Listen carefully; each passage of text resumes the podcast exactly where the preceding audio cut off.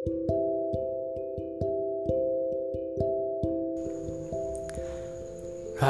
kawan-kawan tabak sajak.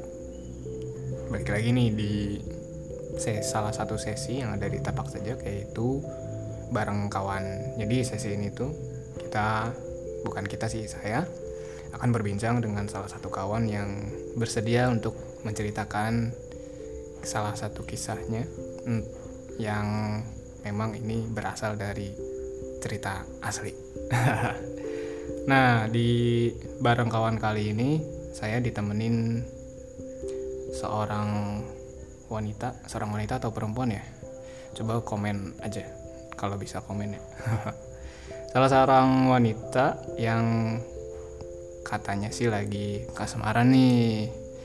Cuma saya mau memperkenalkan, cuma kayaknya lebih enak orang yang dimaksud ya kenalan sendiri. Coba deh dari orang yang bersangkutan langsung kenalan aja, kenalan aja bareng di podcastnya Tapak Sajak. Halo.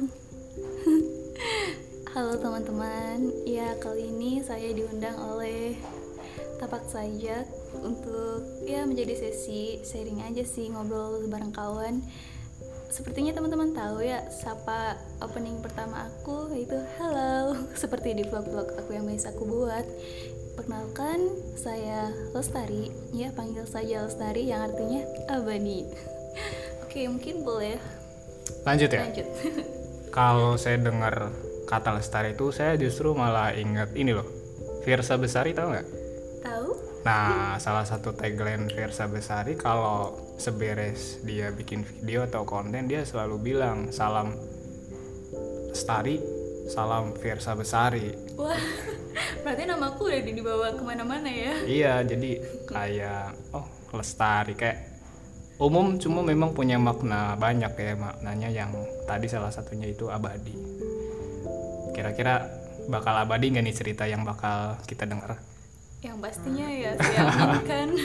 Diaminin aja ya Amin karena paling serius. betul betul kayak judul lagu Amin paling serius. Nah, kalau episode terakhir itu bareng kawan ngebahas tentang friendzone.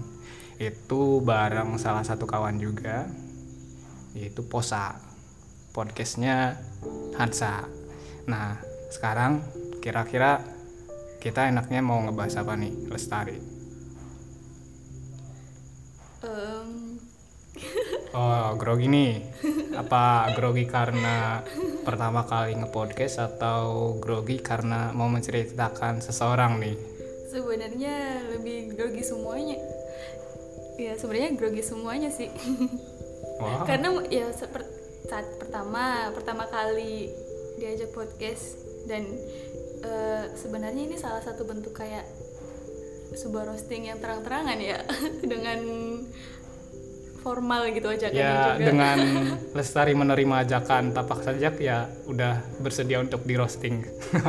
Oke, tak apa tak apa biar cerita ini juga abadi. Betul, karena di tiga episode sebelumnya bareng kawan juga ya kebanyakan ya bersedia untuk menceritakan kisahnya. Satu karena ya emang udah lega, satu ka, satu lagi alasannya ya karena bersedia gitu. Kalau salah satu podcast kemarin tuh friendzone ya karena itu dia udah udah move on ibarat. Jadi udah lega dengan perasaan jadi udah bisa bercerita dengan bebas dan di publik kayak gini gitu. Nah kalau kita tadi denger ya ini grogi groginya double gitu. Jadi saya juga jangan sampai ke bawah grogi nih. Ini grogi pertama kali podcast dan ya grogi juga karena menceritakan seseorang yang spesial. Nah, kayaknya kalau ini kalau dengar-dengar saya katanya ini pertama kali ya ngerasain kayak gini Iya. Hmm, kira-kira wah jangan deh. Nanti itu pertanyaan selanjutnya. Berarti kalau kita ngedengar pertama kali cocoknya ini aja nih kita bahas first impression gimana? Boleh. Boleh ya? Boleh. Karena boleh. karena lebih cocok kita ngebahas tentang first impression. Karena ini pertama kali buat Lestari dan kayak belum saya bahas juga nih di podcast saya. Oke, daripada lama-lama kita coba kita denger dulu deh secara umum.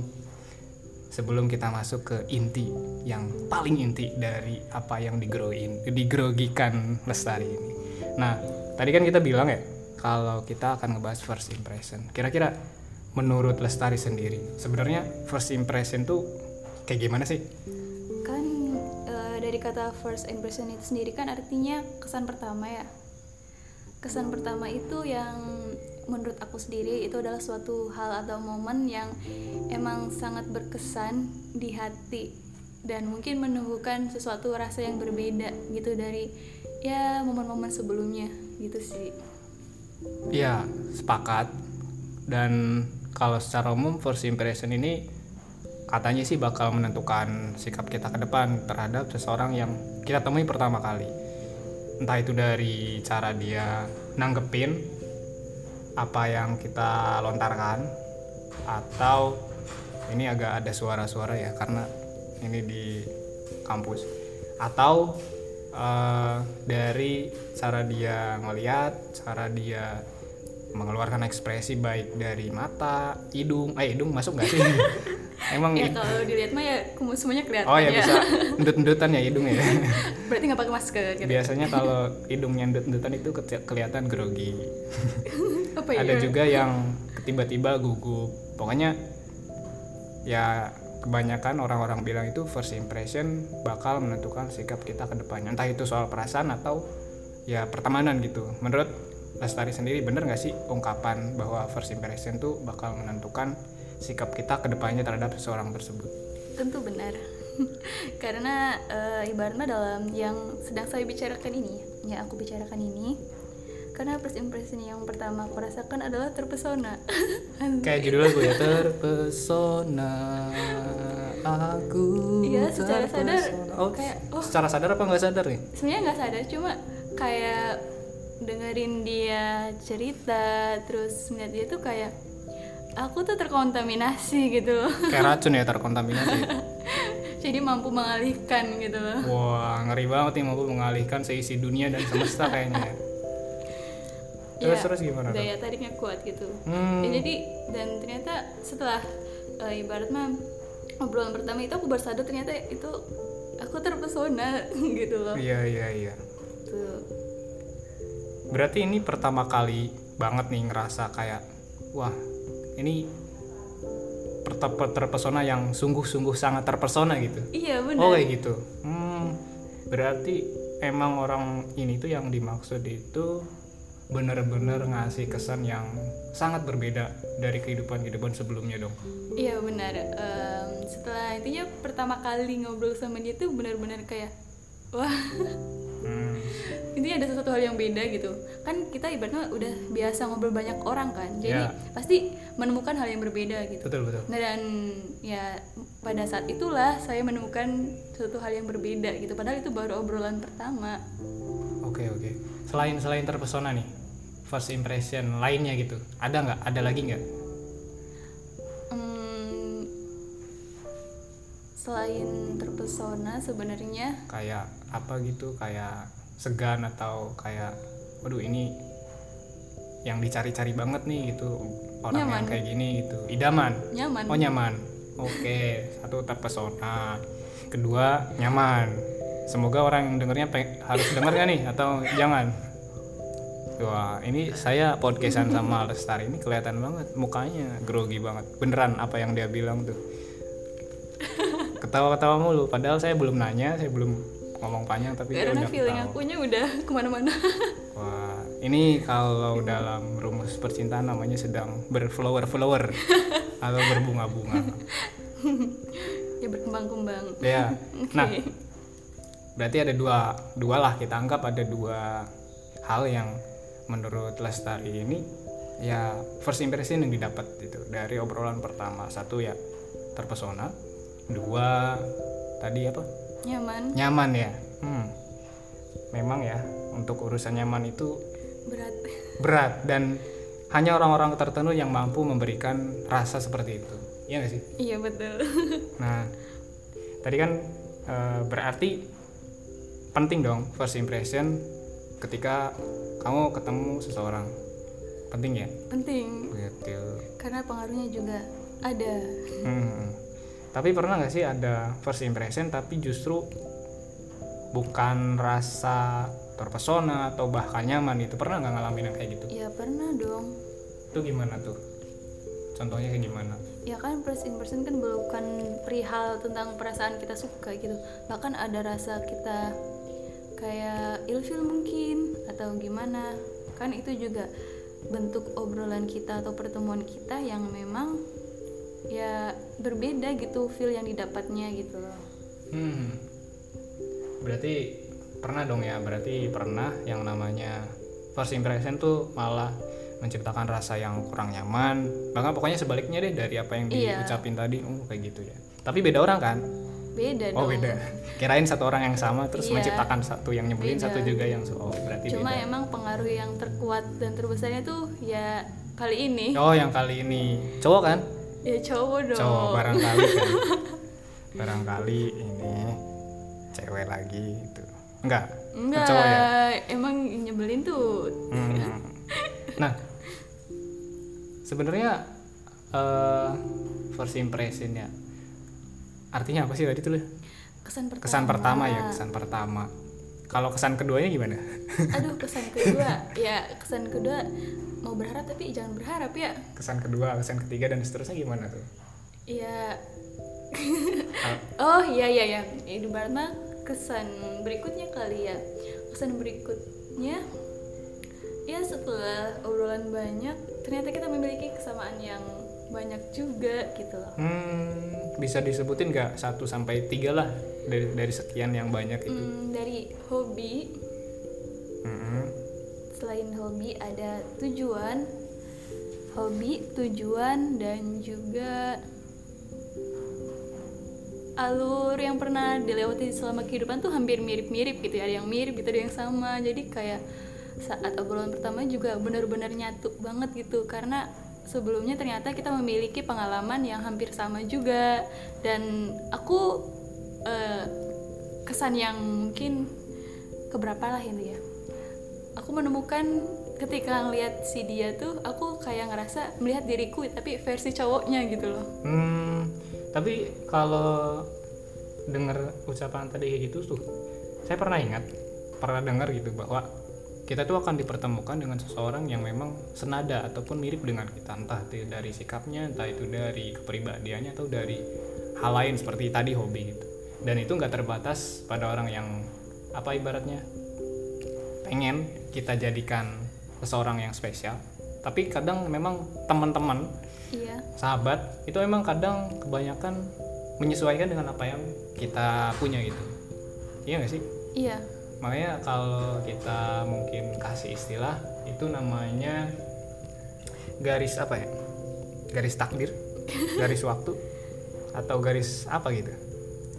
Kayaknya lebih cocok garis takdir kali ya. Iya. Hmm, karena eh, saya ingat peribahasa juga bahwa apa yang kita tanam itu apa yang kita peroleh gitu. Ya mungkin salah satu hal dari peribahasa itu ya salah satunya adalah bagaimana cara kita bersikap adalah itu yang bakal kita dapat entah itu dalam bentuk kawan, sahabat atau pasangan kalau beruntung. gitu. Nah, eh, karena kalau ngebahas first impression kayaknya bakal berhenti tuh sampai situ. Nah, saya pengen nanya nih, sebenarnya boleh nggak di spill siapa inisial deh? inisial Ya, Em, aku ada satu nama atau nama panggilan khusus buat dia hmm, karena mau inisial apa mau disebutin? sebutin aja Nggak takut ketahuan nih. ya udahlah inisial aja Oh, inisial. tapi inisial panggilannya bukan inisial nama aslinya Apa tuh apa tuh? inisialnya itu R Loh, R serius? tapi itu na- nama panggilannya bukan nama asli R. Kamu emang kamu nggak khawatir dengan inisial R? enggak karena sebenarnya nama R itu sinonim dari nama dia yang sama Oh sinonim. Soalnya kan mungkin di beberapa di tahun kemarin kan inisial R tuh sangat berbahaya gitu. iya sebenarnya se- meresahkan ya Iya meresahkan banget dan bahkan sampai sem ini trending di Twitter tuh inisial R tuh. Bahkan yang punya podcast tapak secek juga inisialnya R gitu. ditandain tuh tapi Meresahkan. alhamdulillahnya nama aslinya inisialnya bukan R Oh ya bukan R ya? Oh iya beruntung berarti. alhamdulillah Dan semoga ya semoga lah doanya dari lestari aja Em, berarti tadi inisialnya R tapi bukan nama asli iya gini eh, apa ya kalau kita ngomongin first impression terus timbul rasa. Ini udah berapa bulan? Kalian apa ibaratnya saling mengenal? Dua bulan. Dua bulan? Masih baru masih baru? Hmm. kalau saran saya gini kalau berhasil melewati tiga bulan iya tunggu dulu tiga bulan. Nah berarti udah paham kayaknya udah ya? sering diingetin soalnya. Sama siapa tuh?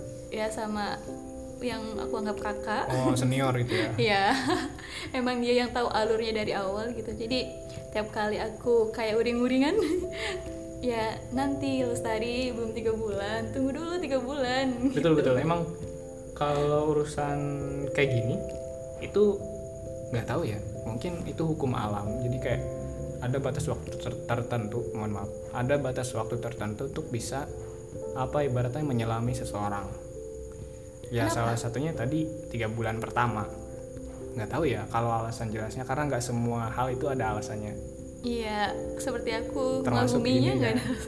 Iya kan, kalau ditanya kenapa kamu kagum, kenapa kamu terpesona olehnya, ya nggak tahu, ngerasa kayak gitu aja kan Iya. jawabannya mas. Ya itu namanya apa ya? Ya namanya jatuh hati itu namanya. Kadang kita nggak pernah tahu alasan kita jatuh hati, kadang kita juga nggak pernah tahu bagaimana prosesnya. Kadang ya tiba-tiba terjadi aja gitu. Kadang ya karena sering ketemu, sering pokoknya ada satu faktor yang menentukan yaitu intensitas. Kayaknya saya pernah bahas di beberapa podcast sebelumnya bahwa salah satu faktor yang bisa membangun chemistry, perasaan yang tumbuh antara beberapa pihak dalam hal ini ya dua orang eh, laki dan perempuan yaitu intensitas. Entah itu dari setan, entah itu dari sering ketemu atau sering apa ya ibaratnya sering tektokan lah ya pokoknya ada ada interaksi lah Iya. yang mana itu intensitasnya cukup masif atau cukup padat bahkan bisa dibilang setiap hari ketemu gitu itu jadi faktor yang sangat kuat menentukan makanya orang-orang LDR yang cukup bertahan lama sampai mempertahankan hubungannya. Hingga saat ini itu adalah orang-orang yang bisa dibilang kuat itu karena intensitas mereka bisa dibilang ya nggak sepadat orang-orang yang sering Iya. ketemu tiap hari atau tiap minggu itu. Karena ada jarak yang menghalang mereka untuk uh, meningkatkan intensitas mereka tersebut. Jadi saya harap sih ya intensitas ini nggak terbatas sekarang aja itu. Karena uh, tadi ini masih dua bulan ya Iya, belum tiga dua bulan. jadi ya ibaratnya kalau main game atau main apa ya sesuatu itu masih trial trial trial masih masa percobaan gitu. cuma kalau hal yang kayak gini jangan- dijadiin coba-coba ya harus diseriusin gitu Iya dong, aku juga kan gak semau dicoba-coba. dan pernah dengar juga nggak kalau first impression itu juga bisa jadi salah satu jalan untuk jatuh cinta pada pandangan pertama Kalau pernah dengar mah ya nggak tahu, tapi kayaknya aku ngerasain. Sedang mengalami itu. Iya. oke oke Kayak oh ternyata ya bisa ya. Hmm, dulu saya nggak percaya tuh yang namanya jatuh cinta pada pandangan pertama, karena sebelum memandang juga udah jatuh cinta. Iya, Iya. itu mah dasar lo nya aja sih. Oh itu mah kata-kata buaya jangan diikutin ya. Itu berarti eh, sepakat ya bahwa dari first impression ini jadi fall in love in first impression. Eh gimana sih bahasa Inggris saya kacau. Aduh, ya Pokoknya kayak gitu gitulah. Gitu. Jadi Lestari ini lagi ngalamin yang namanya jatuh cinta pada pandangan pertama. Tapi percaya nggak kalau aku baru nyadar kalau itu cinta pandang pertama tuh baru kemarin. Nggak tahu, kan bukan saya yang ngerasain.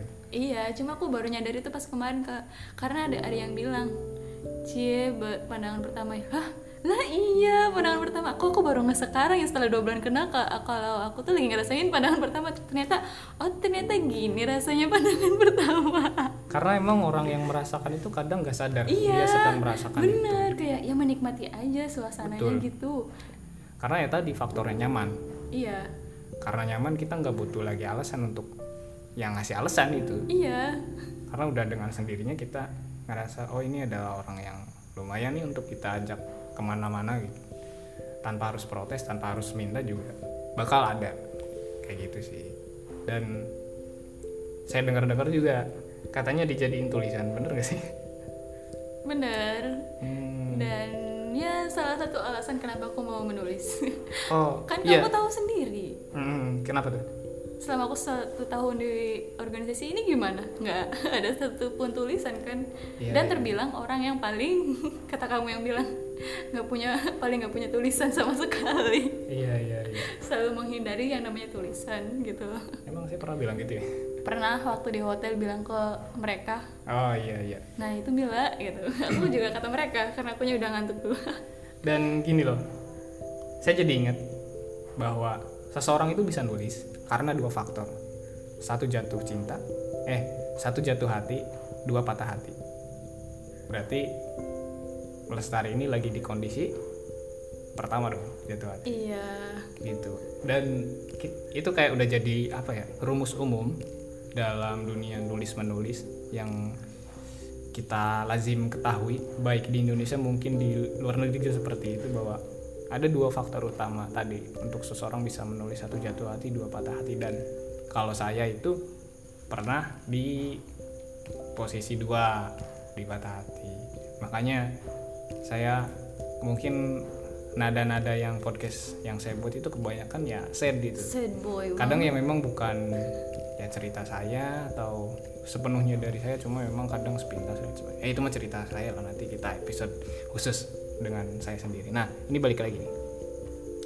Berarti kan akhirnya bisa nulis karena faktor pertama jatuh hati.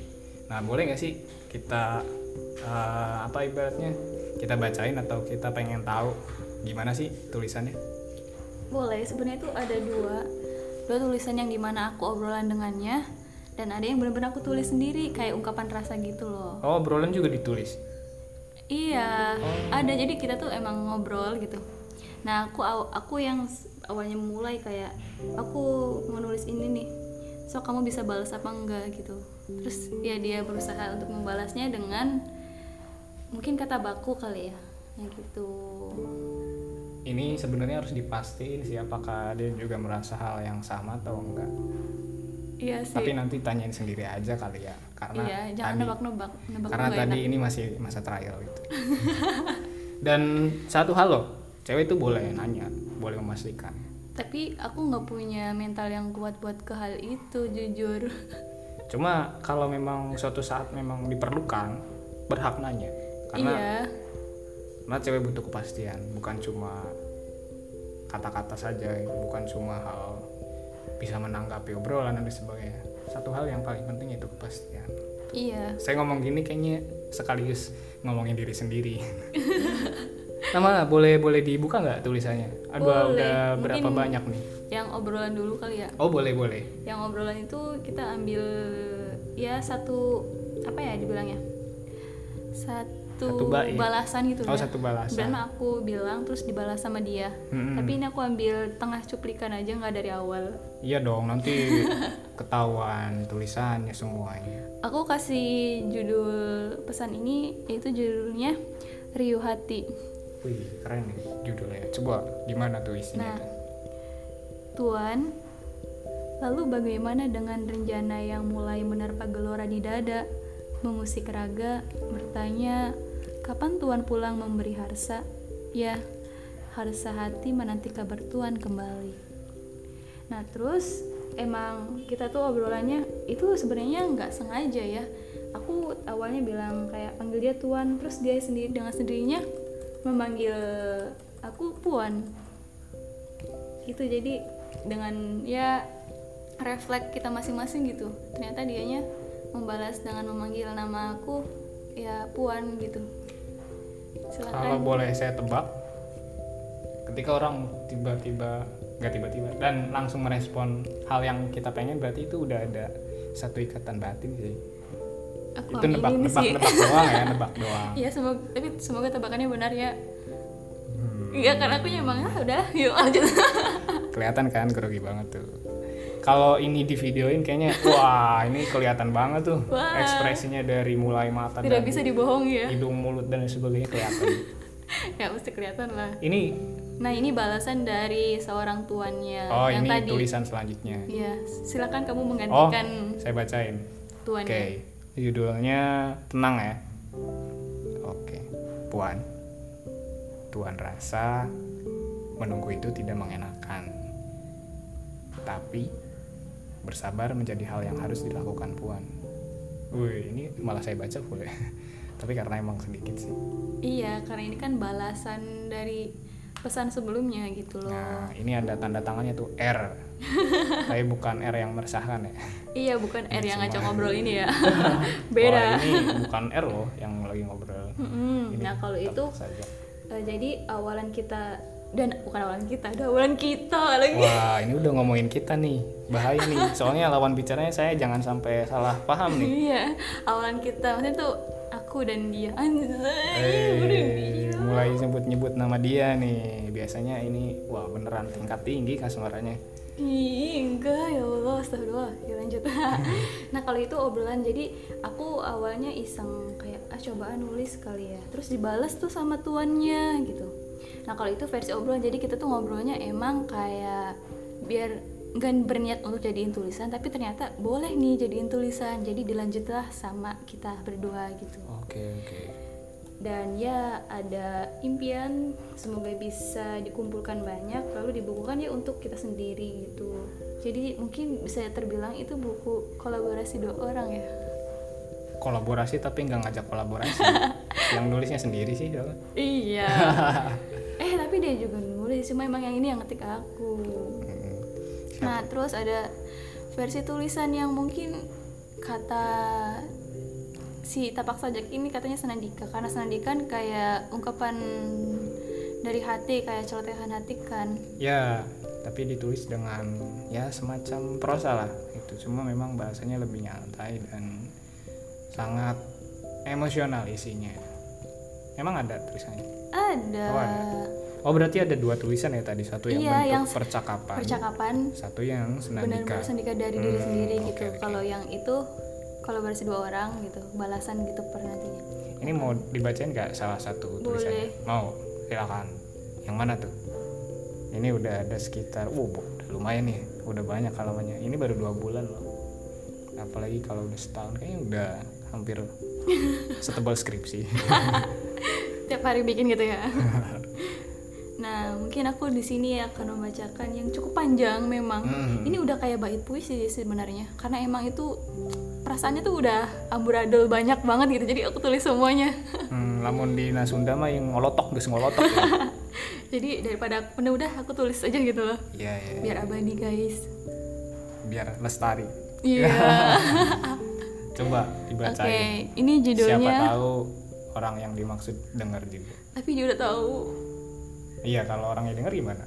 ya udah nggak apa-apa takdirin denger denger Katanya kan sering dengar podcast enggak sih tadi aku nanya mastiin lagi ternyata enggak aja oh ya udah Oh. alhamdulillah Kalau tiba-tiba malam ini denger gimana? Tapi ya? takutnya nanti kalau dia denger Spotify- kamu terus ada yang ngeh terus kayak ini coba dengerin Spotify ini waduh Ya itu mah resiko ditanggung ya sih yang merasakan ya. Ya Karena udah. saya udah udah bebas dari hal itu ya. Karena udah. dengan menerima undangan ini berarti ya juga udah ya bersedia. Ya udah ya berarti kalau takdirnya dia dengerin berarti emang takdirnya dia dengerin sih Boleh boleh baca dong. Kalau oke ini judul senandikanya adalah kacau kacau banget emang karena kenapa aku memberi judul kacau? Karena emang sangat meresahkan. Hmm. intinya kayak kacau banget serius. Tapi kacaunya itu karena perasaan akunya tuh terombang ambing karena kacaunya tuh menyentuh perasaan aku gitu loh. Iya, jadi iya, aku iya. sebut kacau. Kacau tatapan tajam itu berhasil menerkam. Aku bagaikan ada dalam jebakan. Ya jebakan tawanan perasaan. Perasaan yang kian hari semakin tak terkendalikan dalam hati selalu berkata kamu ini pandai sekali menambahkan pelipur lara. Hanya ada ketenangan tiap kali ku tetap sampai ke dalam mata. Tak raguku untuk mengajakmu menikmati canda agar kamu merasakan bahwa aku bahagia, kamu pun ikut serta bahagia. Gelak tawa dan tatap mata yang selalu merasuk raga memuja pada cakrawala agar suasana ini tak usai begitu saja. Cita hati perihal kebahagiaan kecil ini, kebahagiaan sederhana ini terhias abadi, tertanam pada relung hati yang tak akan pernah terbiarkan mati. Lestari. Sebenarnya ini Sandi kayak yang menurut aku cukup dalam dan sudah mewakilkan seluruh perasaanku gitu loh. betul betul saya juga pernah nulis semacam ini ya udah lama sih karena sekarang udah agak jarang nulis. Satu karena satu sih faktor utamanya males. Dan itu harus dihindari aslinya. Tapi ketika saya dengar tulisan ini tadi ini betul-betul apa ya ibaratnya?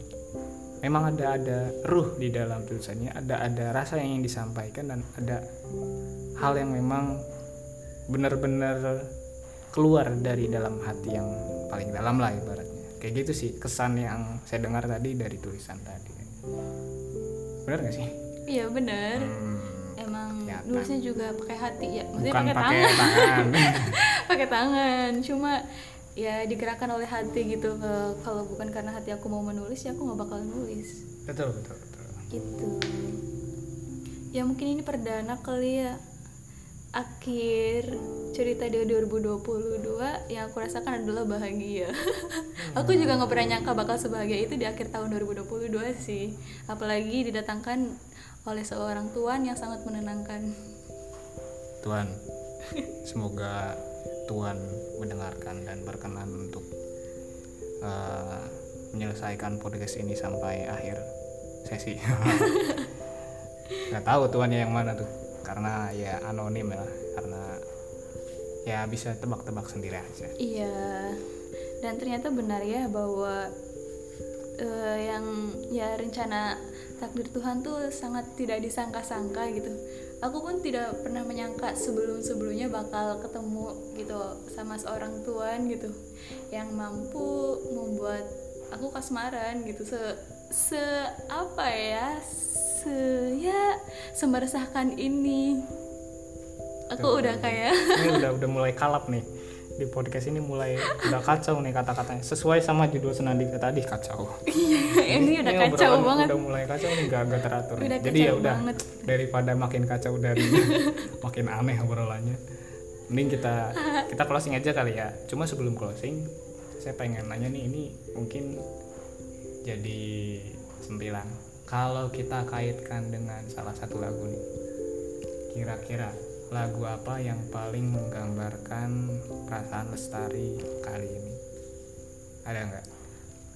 Em, sebenarnya aku terbilang orang yang gak begitu terlalu suka dengerin lagu kayak ya dengerin dengerin aja gitu. Sampai aku juga nggak tahu suka lagu yang mana gitu loh.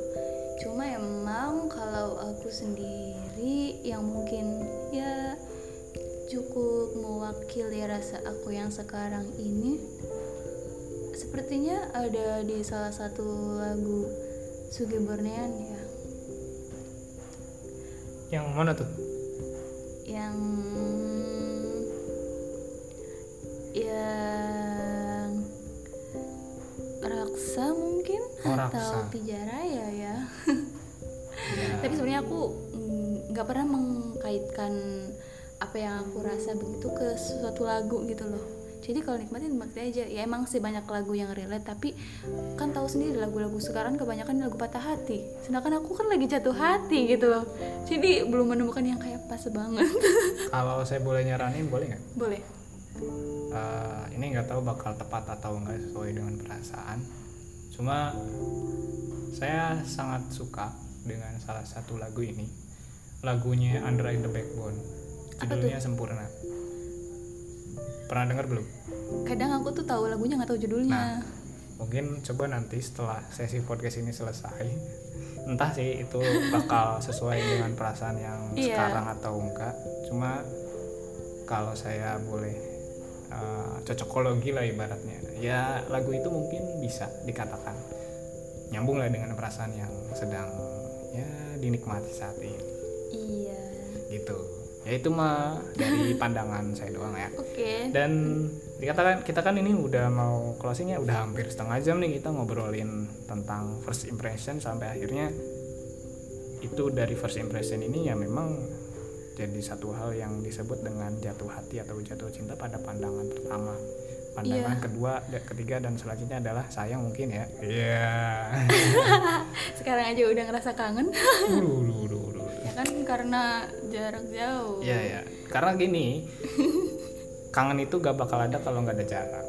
Maka Iya. bersyukurlah ketika orang-orang yang eh, merasakan yang namanya jarak, karena dari jarak kita bisa merasakan rindu. Iya. Nah, eh, terakhir deh, closing. Ada statement terakhir ya buat mengakhiri podcast kali ini dengan Lestari. Kira-kira dari Lestari ada closing statement atau harapan-harapan yang pengen disampaikan? kan ini kan pembahasannya first impression ya first impression yang aku alami kan adalah sebuah kebahagiaan yang di mana aku juga nggak bakal menduga ini bakal terjadi gitu kan di diri aku gitu loh kayak ini adalah kayak seperti sebuah hadiah terbaik Tuhan kepada aku yang di mana memang sebelumnya itu yang aku alami adalah yang lebih banyak tuh sakit hati Hmm, ya, ya. jadi terbilangnya em, apa ya aku sebenarnya tuh udah lama kayak mati rasa terbilangnya kali ya Iya. nggak ada rasa suka sama siapa pun tapi ternyata Tuhan menghadirkan seorang Tuhan gitu kan yang membuat aku ya jatuh hati gitu dan karena ini pembahasan dari first impression dan tet- tentang perasaan sebenarnya aku mau ber- mungkin ya berpesan sama teman-teman. Ketika kamu menemukan atau apa ya ketika kamu ada hubungan dengan seseorang entah itu kamunya yang suka doang entah kamu saling suka entah ya bagaimanapun itu hubungannya ketika memang hubungan itu sudah selesai lepaskan. Lepaskan. Jangan lagi digenggam kalau memang itu sudah tidak mungkin. Dan kalau kamu udah yakin dia nggak bisa sama kamu lepaskan dari hati dari genggaman dari pikiran. Agar apa? Agar Tuhan bisa menghadirkan eh, seseorang yang lebih tepat untuk kamu. Karena logikanya gini kalau kamu terus mempertahankan atau menggenggam seseorang yang memang dia sudah membuat luka di hati kamu atau membuat kamu kecewa atau kamu membuat sakit hati tapi masih kamu genggam saja padahal dia udah nggak peduli sama kamu atau dia intinya kayak hubungannya sebenarnya udah usai tapi masih kamu genggam itu bisa menghalangi hadirnya seseorang di hati kamu. Gitu loh. Karena kalau kita masih eh, berada dalam lingkaran yang di mana kamu itu merasakan sakit hati berterus-terusan gitu loh. Nah, itu akan sulit untuk menghadirkan seseorang yang baru yang akan menyembuhkan kamu gitu. Jadi ketika kamu merasa sakit hati mending lep, apa ya? Lebih baik lepaskan agar kamu merasakan kebahagiaan sesungguhnya gitu. Ya, sepakat. Ketika kita udah mulai sadar bahwa itu adalah suatu hal yang toksik bisa dibilang, Iya. kita harus berani untuk membuka diri dan melepaskan itu karena dengan melepas tentu kita akan menyediakan ruang baru di hati kita, ruang baru di pikiran kita dan bisa menerima dengan jernih apa yang Tuhan hadirkan setelahnya gitu. Ibaratnya semesta juga akan menyediakan hal-hal baru ketika kita mau menerima hal yang baru. Nah itu karena pastikan kita juga berdoa selalu berdoa agar dipertemukan oleh orang yang tepat, orang yang membuat kita bahagia.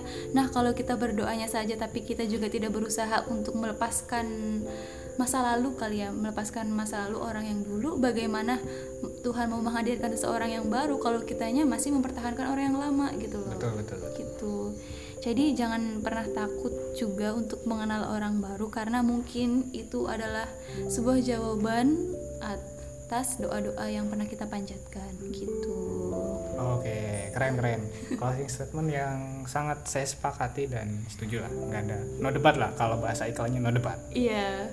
Oke, thank you Lestari. Kalau dari saya pesannya dan harapan buat teman-teman atau kawan-kawan semua pendengar tapak saja apa pun hal yang teman-teman rasakan di first impression khususnya dalam hal yang menyenangkan saya harap nggak berhenti di first impression saja tapi di second impression third impression pokoknya Eh, nggak iya. cuma di kesan pertama doang tapi kesan selanjutnya kedua ketiga dan seterusnya adalah hal-hal yang selalu menyenangkan. Meskipun kurang menyenangkan tapi itu bukan suatu hal yang bakal merusak justru itu adalah hal yang bisa menguatkan dan saling evaluasi sehingga ya kita bakal saling tahu. Karena kenyamanan itu bukan semata-mata karena hal semua hal yang dirasakan itu menyenangkan tapi ketika ada hal yang tidak menyenangkan namun bisa disikapi dengan bijak bersama dan bisa merubah itu jadi hal yang menang- menyenangkan itulah kenyamanan yang sesungguhnya gitu Mantap.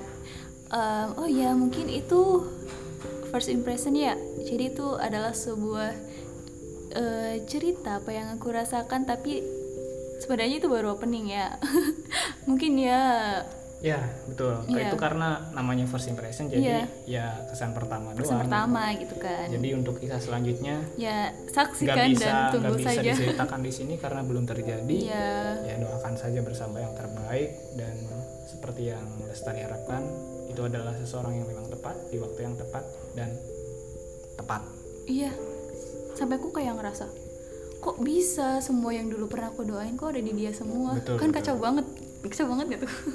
ya kacau karena membuat perasaan terkaget-kaget gitu ya Iya, serius aku banyak speechlessnya tiap detik, tiap waktu, setiap momen tuh kayak kok bisa gitu.